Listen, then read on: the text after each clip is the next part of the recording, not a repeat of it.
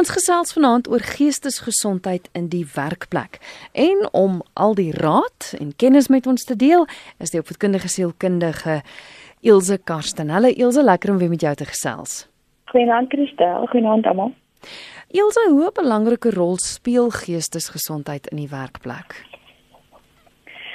Christel, ek dink jy weet geestesgesondheid in enige plek is belangrik, maar in die werk ook, jy weet, want dit is deel van ons ons daaglikse doen en late. En ons almal weet eintlik dat Suid-Afrika 'n groot probleem het met werkloosheid. En dit is eintlik baie jammer want ek glo ons is gemaak om te werk. Jy weet ons behoort te werk en ons behoort die werk wat ons doen te geniet. Uh, so as ek mag 'n Bybelvers gee, Prediker 3:22 sê Die prediker sê ja, ek het agtergekom dat daar niks beter is nie as dat mense gelukkig is in hulle werk. Weet so ons is bedoel om ons werk te geniet en ek dink dit is ehm um, dis een van die baie belangrike dinge in die lewe. Maar hoekom is dit dan nou dat daar so baie mense is wat so ongelukkig is in hulle werk? Ag, dit is ongelukkige realiteit. Jy weet ek gesels met baie mense wat voel maar hulle is nie gelukkig in hulle werk nie. Hulle doen nie wat hulle wil nie of hulle het te veel druk en daar's verskeie redes. Ehm um, ek weet ek dink miskien bietjie begin en bietjie teruggaan van baie van die luisteraars vanaand mag dalk reeds afgetree wees of dalk is baie mense op soek na werk. Baie mense is dalk tuis bly maar of pa. Ehm um, dalk het baie mense hulle eie besigheid. So as jy dalk nie voltyds iewers werk of 'n salaris kry nie, beteken dit nie dat jy nie werk nie. Jy weet wat belangrik is dink ek is dat jy jouself besig hou tot 'n mindere of meerdere mate natuurlik met iets wat jy voel vir jou die moeite werd is. Iets wat jy voel waarde toevoeg tot jouself of ander mense of jou omgewing. Ehm um, iemand wat byvoorbeeld vrywilligheidswerk doen, is ook iemand wat werk of 'n huishouding aan die gang hou, Christel. Jy weet, skoonmaak, wasgoed was, kinders ronddraai, jou gesin kos gee. Dis dis harde werk en baie keer voel mense maar ek omdat ek nie 'n salaris kry nie, werk ek nie en dit is definitief nie so nie. Ehm um, so vanaand dink ek praat ons bietjie oor geestesgesondheid in die werk, maar die werk word dan bietjie baie gedefinieer as iemand wat net 'n salaris kry. En ek dink um, ons, ons moet dit mooi onderskei en en en die doel is om dit te balanseer om te sê maar ek kry al my goed gedoen. Ehm um, dis nie net werk, die lewe gaan nie net oor werk nie, dit gaan ook nie net oor huis of gesin nie. Ek moet dit alles in perspektief sien en balanseer. Hoe belangrike rol speel jou werksomstandighede of jou werkomgewing daar waar jy werk? Ja, ek weet dit is baie dit is baie belangrik want dit beïnvloed jou werkstevredenheid. Dit beïnvloed jou gemoedstoestand. Ehm um, as ek nou dink aan die aan die aard van die werk self. Jy weet, vra vir jouself, is ek goed met my werk? Ek weet het ek um, het ek vaardighede in my werk en as jy dit nie het nie, moet jy jouself verbeter. Skryf in vir 'n kursus, doen 'n jy eie navorsing, maar word beter in jou werk. So die aard van die werk is belangrik. En dan nog 'n ding is die hoeveelheid werk. Jy weet baie mense kla oor ehm um, omdat hulle voel hulle is oorwerk of hulle is understaffed. Ehm um, en dan moet jy ongelukkig leer om te prioritiseer, dalk moet mense begin delegeer, begin neus vir goed, dalk moet jy planne maak om slimmer te werk of net rustig raak en een taak na die ander aanpak sonder om te paniek daaroor. So so nog, want kyk, hier is ons iemand wat nou sê dat um, geld speel ongelukkige rol. Ek is bitter ongelukkig in my werk want ek voel ek word nie betaal dit wat ek werd is nie. Nou, hy's gelukkig klink dit my met sy werk, maar ja, die geld is nie daar nie. Hoe motiveer jy jouself dan? Ja, kyk, geld is nie onbelangrik nie, ons het dit nodig. Ehm um, maar om net vir geld te werk kan baie demotiverend wees. Ehm um, en ongelukkig is daar die realiteit dat baie mense nie betaal word wat hulle eintlik werd is nie. Dit is daai luisteraars sal ek sê, jy weet, soek maar. dis dis moeilik. In Suid-Afrika is dit regtig moeilik. Ek sal nie iemand anders om sommer net te bedank, ehm um, sonder dat jy ander werk het nie en daar is natuurlik uitsonderings. Maar jy weet, ten minste het jy werk, jy kry 'n geldjie. Ehm um, maar ek dink mens moet in daai situasie vir jouself sê dit is nou waar ek is. Dis waar ek myself bevind. Ek kan op hierdie oomblik, vandag of môre, nie iets groot daaraan verander nie. Maar kom ek kyk of ek klein veranderinge kan maak. Of ek hier en daar iets kan begin doen om dit vir myself meer draagbaar te maak, om beter verhoudinge daar by die werk te hê. En natuurlik kan jy soek vir iets anders, jy weet, eh, niks niks skeer om dit te doen nie. Mm. Ehm um, maar mens voel baie keer vasgevang in 'n situasie waar jy voel jy kan nie uitkom nie. Ons kyk ons het 'n oproep. RSG goeienaand. Goeienaand, ek gaan anoniem bly vanaand. Ehm um, die syfer tot my beskikking van onderwysers wat teen 2016 aansoek gedoen het vir mediese ongeskiktheid of wie se uh, aansoek in proses was om verwerk te word is 21000. SAPD-lede is daardie staatsamptenare wat die meeste gediagnoseer word met geestesongesteldheid, eerder soos angsversteurings, posttraumatiese stres, major depressie, bipolêre versteurings. Die jongste internasionale verslag rondom werksverhoudinge spesifiek die werknemer-werkgewer toon dat Suid-Afrika uit 143 lande onder aan die lys is. Ek self was 'n pasiënt weens werkstres in die onderwys in Februarie 2011 waar ek uh, deel was van 'n groep van 14 pasiënte wat groepsterapie ontvang het. 7 daarvan was onderwysers, 4 daarvan was lede van die SAPD. Ons landse professore stem met my saam, daar is nie genoeg arbiters om die endemiese probleem van konflik en boelery in die werkplek te hanteer nie. Ek het 3 vrae aan jou gas. A: Is ons onnies en ons polismanne gesond? B, hoe ernstig is die probleem? C, wat is die oplossing? Uit praktiese ervaring kan ek sê arbeidswetgewing is soos 'n dobbelsteen wat jy gooi. Jy kry 'n 1 of 'n 6. In my geval het ek 1 gekry. Ek is 55 jaar oud. Ek kon nog 10 jaar skool gehou het. Ek wil nie verder daar uitwy nie. Ek sien net graag hoor wat is jou gas se praktiese ervaring teen die agtergrond van dit wat ek genoem het vanaand. Baie dankie. Anoniem baie dankie vir die bel. Ilse, jy kon duidelik hoor, né? Ek het mooi gehoor, dankie hmm. Christel. Goed, so sy eerste vraag is is is die polisie en onderwysers gesond?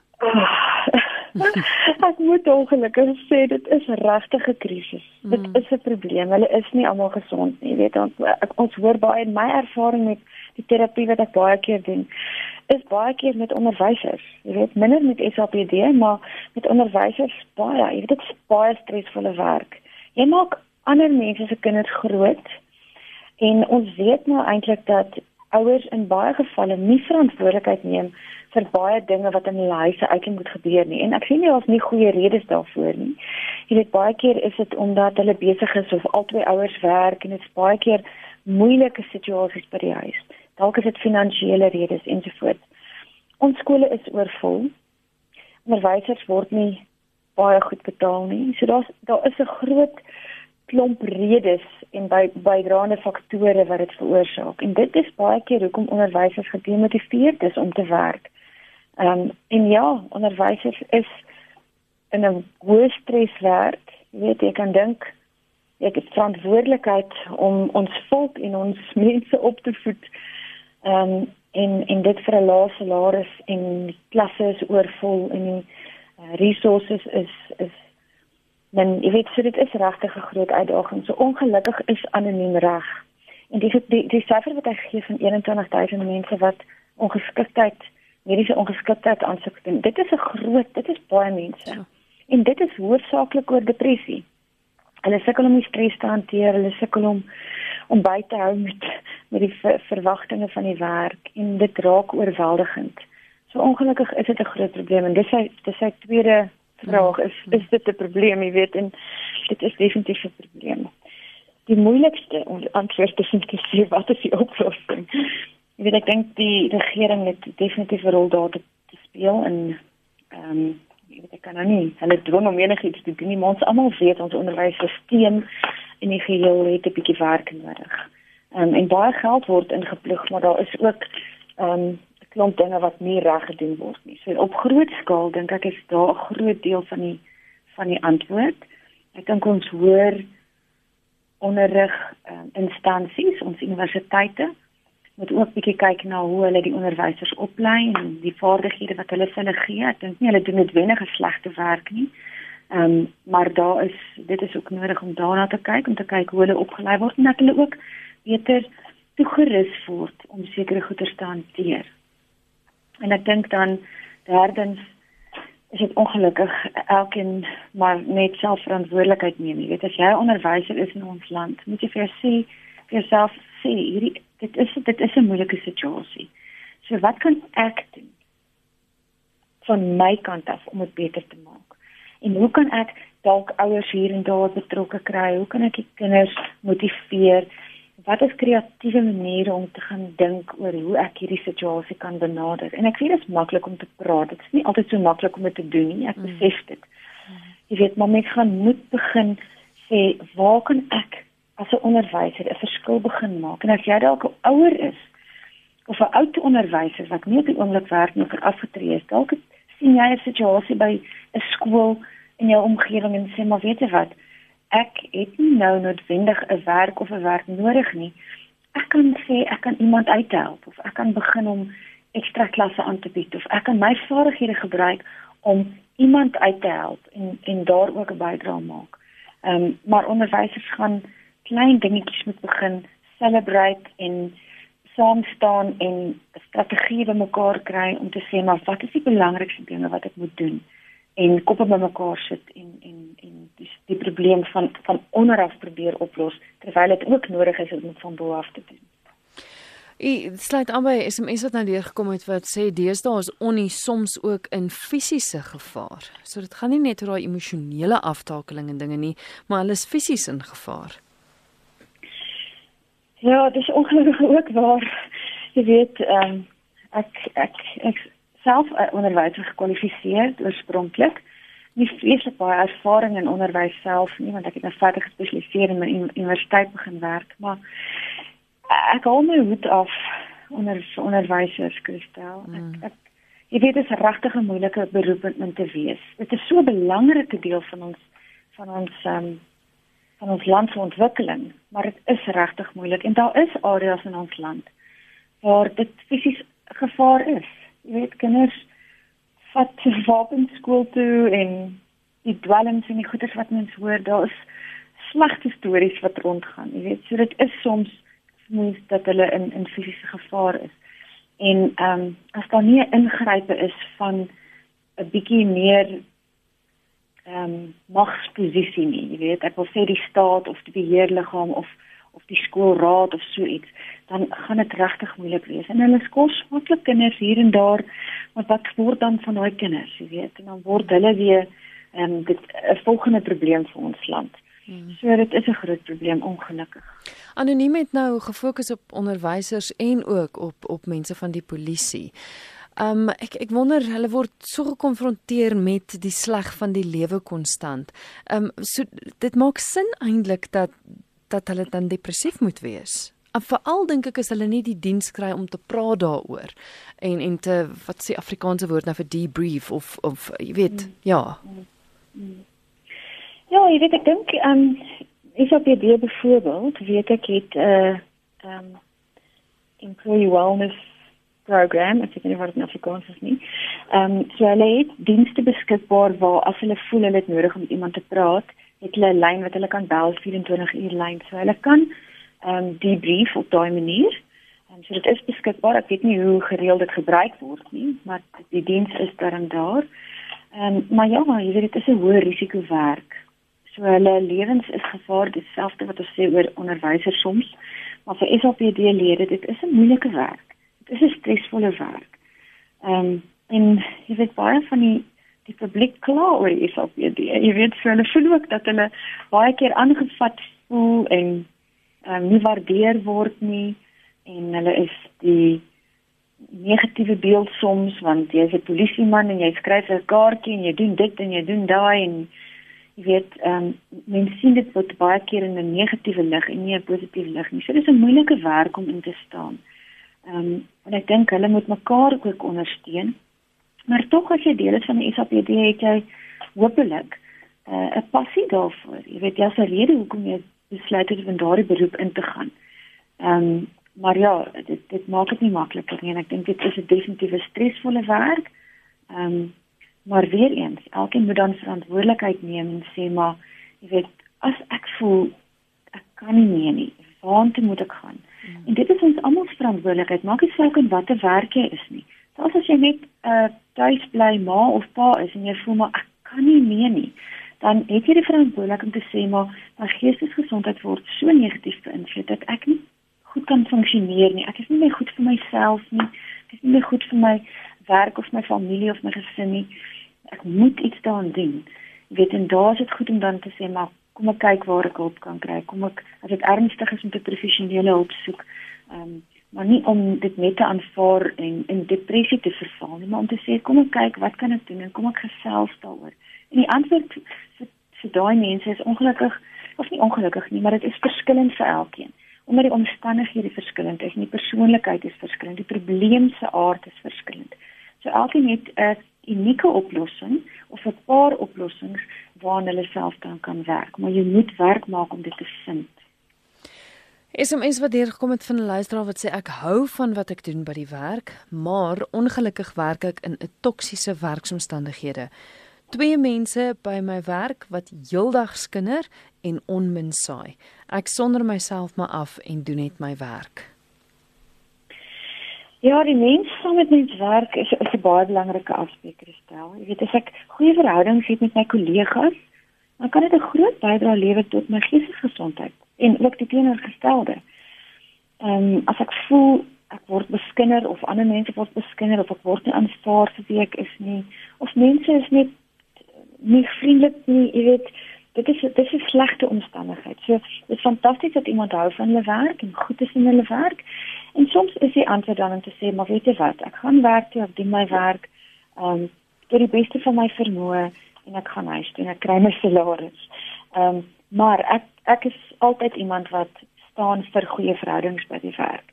Jy weet en al kry jy nie terug wat jy graag wil hê nie, ehm um, al word jou behoeftes nie in daai manier bevredig nie, dink ek jy moet nog steeds op 'n manier jouself kan wees.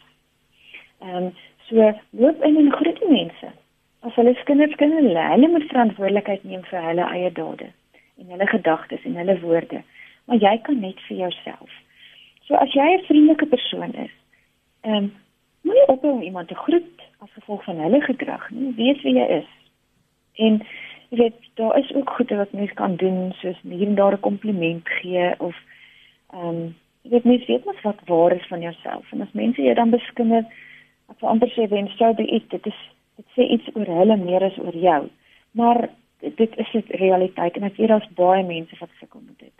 Ehm um, en as jy dit so kan doen en aangaan met die werk, jy weet dan moet jy nou maar kyk of daar een mens is hier en daar met wie jy 'n goeie verhouding kan bou dat dit darm 'n bietjie meer draaglik is.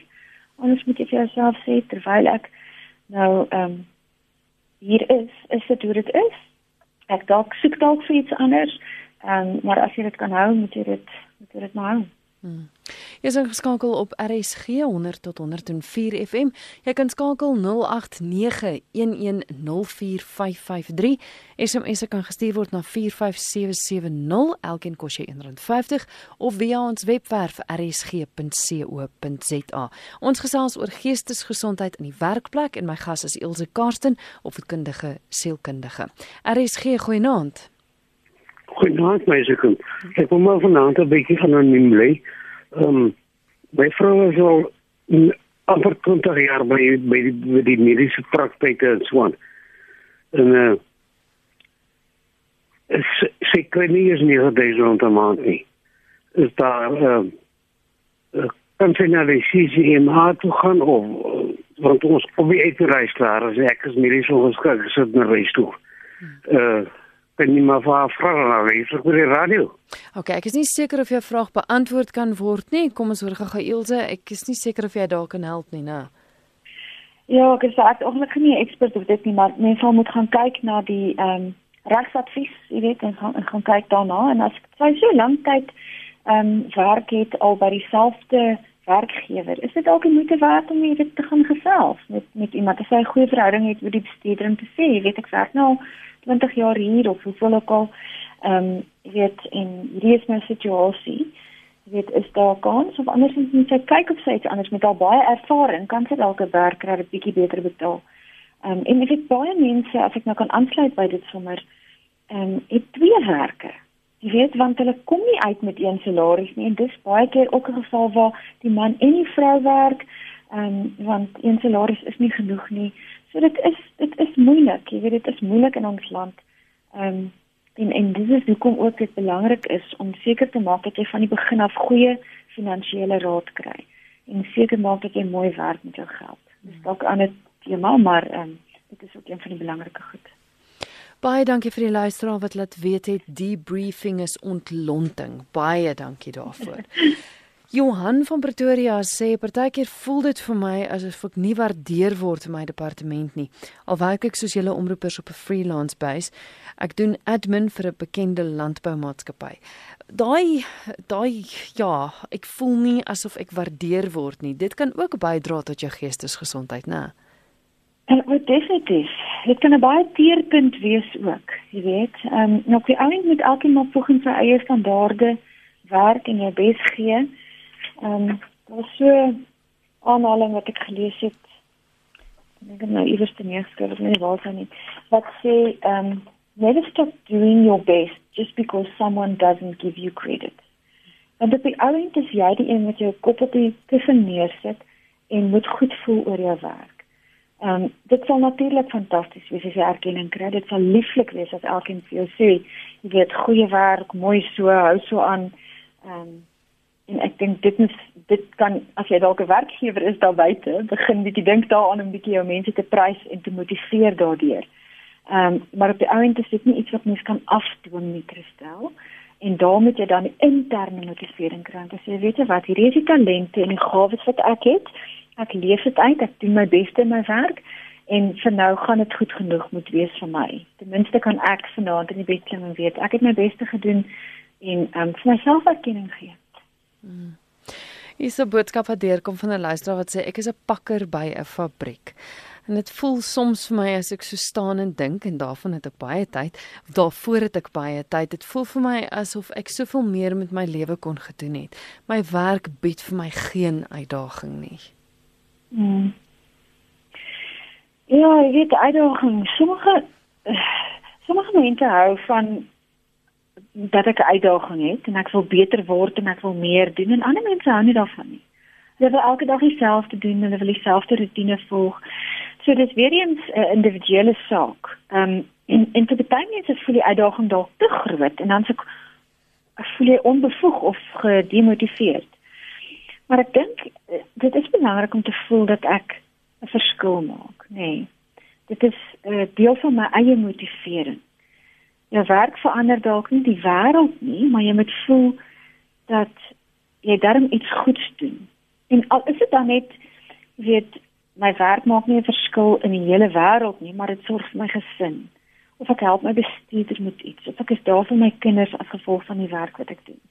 Ehm um, jy weet dit dit help, maar ek dink baie keer is mens vasgevang, soos hierdie luisteraar voel vasgevang in 'n werk waar ek voel maar is glad nie uitdaging nie. Ehm um, en ek en dit is wat Maslow sê oor die self-actualization. Ek kom nie daarby uit om myself te verbeter en myself op daai manier uit te leef nie en dan voel mens vasgevang. Ehm um, daar's hierdie 20-80 beginsel wat hulle sê in jou werk. Jy gaan nie van alles hou nie, maar jy moet kyk dat jy ten minste 80% van jou tyd wat jy by die werk spandeer, ehm um, spandeer op iets wat vir jou goed is, waarvan jy hou, ehm um, wat vir jou dalk 'n bietjie van 'n uitdaging bied En die 20% wat jy nou nie van hou nie en wat vir jou sleg is en wat moeilik is, is draagbaar want dit is nie so baie nie. Maar baie keer is dit omgekeerd. En dan 80% van my werk iets wat ek nie van hou nie of ek voel nie dis 'n uitdaging nie en 20% is dalk vir my lekker of selfs minder. En dan raak dit 'n probleem en dis waar jy regtig moet gaan sit en sê maar wat kan ek hier aan doen? En jy weet die op daar is opsies. Dit is nie altyd vir almal nodig of of moontlik om dadelik groot verskille te maak nie, maar jy moet gaan soek na klein dinge wat jy 'n verskil in kan maak. En dalk is dit net om die persoon langs jou op te weer. En dalk is net om jou bestuurder te gaan sê, weet jy wat, ek weet daar's 'n ander posisie, hou vir my, laat weet my as daai posisie oop gaan. Ek wil graag meer verantwoordelikheid neem. Um, en dalk is dit om ander werk te soek.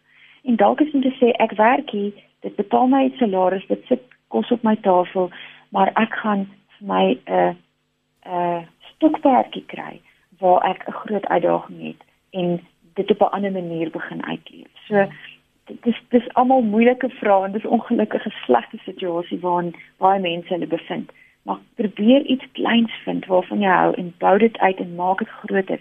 En gesels met mense daaroor Christel. Dis maklik dis makliker vir mense wat buite die situasie staan om te probeer koppe bymekaar sit en sê kom ons dink aan oplossings. Baie keer is jy so vasgevang in jou situasie dat jy nie altyd ander opsies kan sien nie want jy's so gewoond aan die aan die negativiteit daarvan. Baie keer kan iemand anders net vir jou van buite af bietjie beter raad gee. RSG goeienaand. Hallo.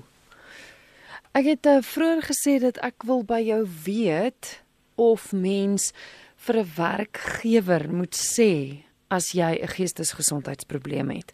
Want ek meen as jy tog aansoek doen vir 'n werk, sal jy nie in jou onderhoud sê, weet ek het hoë bloeddruk of ek het 'n beroerte gehad of sulke dinge nie. Moet jy sê dat jy depressie het of bipolêr is? Ek volgens die wet dink ek hoef jy nie. Ehm um, dink aan iets soos iemand wat HIV positief is. Jy hoef nie vir iemand te sê nie. Maar as ek in 'n werk staan waar ek ehm um, 'n mediese professionele persoon is of met kleuterswerk waar daar baie keer bloed betrokke kan wees, dan dink ek het ek self 'n verantwoordelikheid om te sê maar ek moet seker maak dat mense veilig is. Jy weet, en en iets is depressie is wat ons nou gesien het in die SAPD soos anoniem gesê het en ook in in onderwys. Ja, dit is 'n groot probleem en as jy nie vir mense gaan sê nie, gaan hulle begin wonder hoekom is jy afwesig? Hoekom is jy werk nie gedoen nie? Hoekom is jy goed laat? Ehm um, en dit dit skep ook 'n slegte indruk. So het elke mens moet eintlik maar self besluit waarmee is ek gemaklik om te deel en met wie is ek gemaklik om te deel. As jy 'n bestuurder het wat ondersteunend is en wat verstaan, dan sou ek definitief aanbeveel dat mens eerlik en oop wees oor hierdie situasie en sê weet jy maar ek is op medikasie vir hierdie en hierdie en dit kan 'n probleem wees. Jy weet en as dit 'n ernstige mediese situasie is, sou ek definitief weet want jy weet jy kan dalk flou val of iets en dan weet niemand wat om te doen nie. So dit kan dalk jou lewe ook red. So dit is maar ook 'n individuele situasie. Ek dink nie mens hoef te sê nie. Daar is dalk hier en daar 'n beroep wat ernstig 'n um, risiko is wat mens moet sê maar ek dink tog op die einde moet jy dit self die situasie lees en sê maar wie ehm um, vertrou ek met inligting dat dit nou nie gaan versprei aan almal nie maar dat ek darm net weet daar is iemand met wie ek kan gesels of iemand wat weet wat aangaan in my lewe Maar dink jy daar is begrip rondom geestesgesondheid by die werkplek al het dit al oor die jare verander want uh, mense word maar skeef aangekyk en ek dink nie Dit is Ilse Karsten, my gas opvoedkundige sielkundige wat ek pas verloor het. Bly ingeskakel. Ons sluit nou weer by haar aan. Op 18 Julie 2018 sou Nelson Mandela 'n 100 jaar oud gewees het. Laat ons die wêreldikoon onthou en eer. 'n Man wat as rolmodel vir almal gedien het en steeds dien. Vind die Madiba in jou. Mm.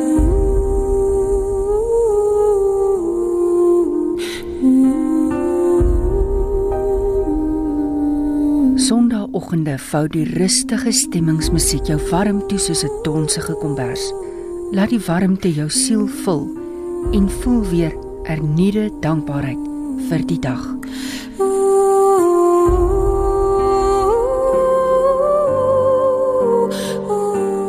Oggendstemming, Sondagoggende van 5 tot 7.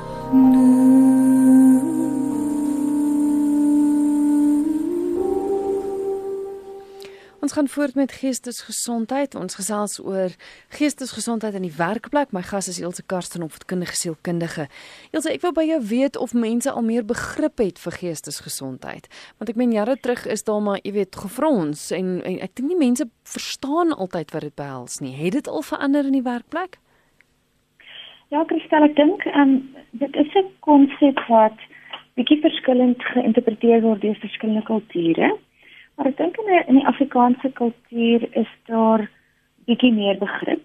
Ehm um, want al die meer mense sukkel met geestesgesondheidsprobleme. Jy weet veral iets soos depressie. as jy nie self al depressie het of gehad het nie en as weer is al hoe meer mense, dan ken jy iemand of iemand in jou familie. So ek dink die begrip is definitief meer, ehm um, maar ongelukkig is die werkdruk ook meer. Jy weet, groot besighede, dis 'n besigheid. 'n Besigheid moet werk, moet geld maak. So daar is ongelukkig min simpatie baie keer um, omdat die werk moet gedoen word en die targets moet gemaak word. So in daai omstandighede is dit is dit baie keer moeilik, maar ek dink tog op 'n menslike vlak is daar meer begrip. Ehm um, dis net dat daar nie altyd antwoorde is nie. Jy weet, hulle stuur mense maar om iemand te gaan gesels en as jy te veel daar afwesig is of wat ook al dan moet jy 'n ander plan maak of jy word um, afgelê by die werk. Hmm. So dit is moeilik maar ek dink tog um, as mens dit ook op 'n mooi manier verduidelik en dit beter verstaan. Ek dink dit is waar werkgewers en werknemers en enige iemand, alle luisteraars, ek dink ons moet onsself ehm um, opvoed en inlig oor hierdie goeders en en gaan lees en kyk maar wat is dit en hoe beïnvloed dit mense. Daar's baie goeie inligting daar buite om seker te maak dat ek um, nie sommer net oordeel sonder om beter te probeer verstaan nie. Jogg, ek sien die tyd het ons ingehaal. Ek wil gaan afsluit um met die een wat sê ek sit nou in werk alhoewel ek my werk geniet en hou van hard werk, kan ek nie altyd meer byhou nie. Hoe um wat dan? Hoe besluit mens of jy moet harder werk en of jy moet uitkyk vir iets anders? Oh, dis 'n baie moeilike vraag. Ek dink mens moet vir jouself sê hoe gelukkig is ek by die werk. So hy of sy het nou gesê hulle hou van hulle werk en dit is fantasties. Dis 'n baie goeie begin. En dan met vir jouself sê maar wat is die bydrae wat ek wat ek lewer? Voel ek as ek 'n uitdaging nodig het dat ek steeds uitgedaag word?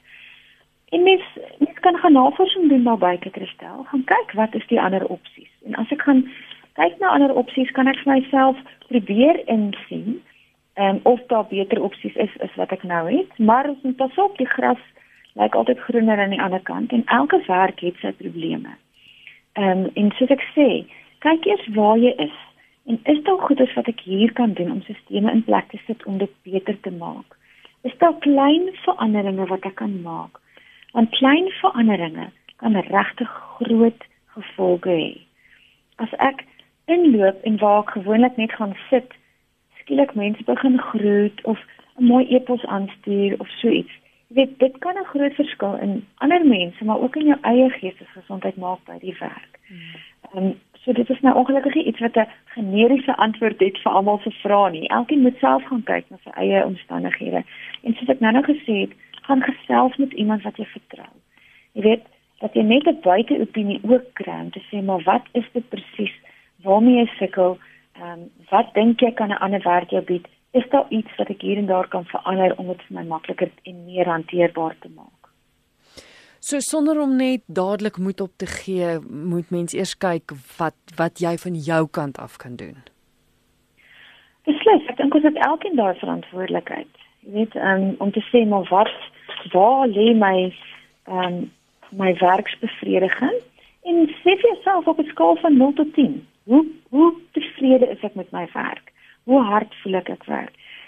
En ek ek is 'n groot voorstander van kyk na jou werk en identifiseer ont, ontwikkelingsbehoeftes. Met ander woorde, as ek vir myself sê ek het nodig om myself bietjie te ontwikkel in sê net maar kommunikasievaardighede of public speaking of wat dit ook al is wat ek voel in my werk nodig is. Gaan doen 'n kursus, gaan lees 'n boek, gaan vind iets. Ehm um, ek het nou onlangs 'n boek uh, gelees uh, van Nick Olvani oor vibrant life. Dit gaan oor die keuses wat ons in ons lewe maak en die motivering wat dit onder lê. Ons moet elkeen verantwoordelikheid neem vir ons eie lewens en self sin maak van dit wat wat dit vir my beteken. En ek weet dit is maklik om al die goeie te sê. Dit is nie so maklik om dit te doen in die praktyk nie. Maar gaan sit en reflekteer en sê vir jouself, waar op die skaal lê ek? Waar wil ek wees? En as ek dan daai gaping identifiseer, dan moet ek vir myself sê, wat kan ek in plek sit om om myself op te skuif, hoër te skuif in my geestesgesondheid en in my lewensgeluk. En as daai goeders insluit dat ek net selfgoeders moet ontwikkel, dalk iets lees, dalk my bestuurder gaan sien en kyk na bevorderingsmoontlikhede, dan doen dit. Maar as dit iets anders is om te sê maar weet jy wat daar is geen geleenthede nie. Ek sal moet begin kyk buite my werk. Hmm. Dan is dit ook so. Ilse kan luisteraars jou kontak? Mense is baie welkom om my te kontak. Ek het 'n e-posadres. Dis by die Universiteit van Johannesburg. So dis my voorletter en my van.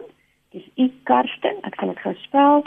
Dis U en dan K A R S T E N by UJ. So dis U hier. Ehm um, www.ac.za.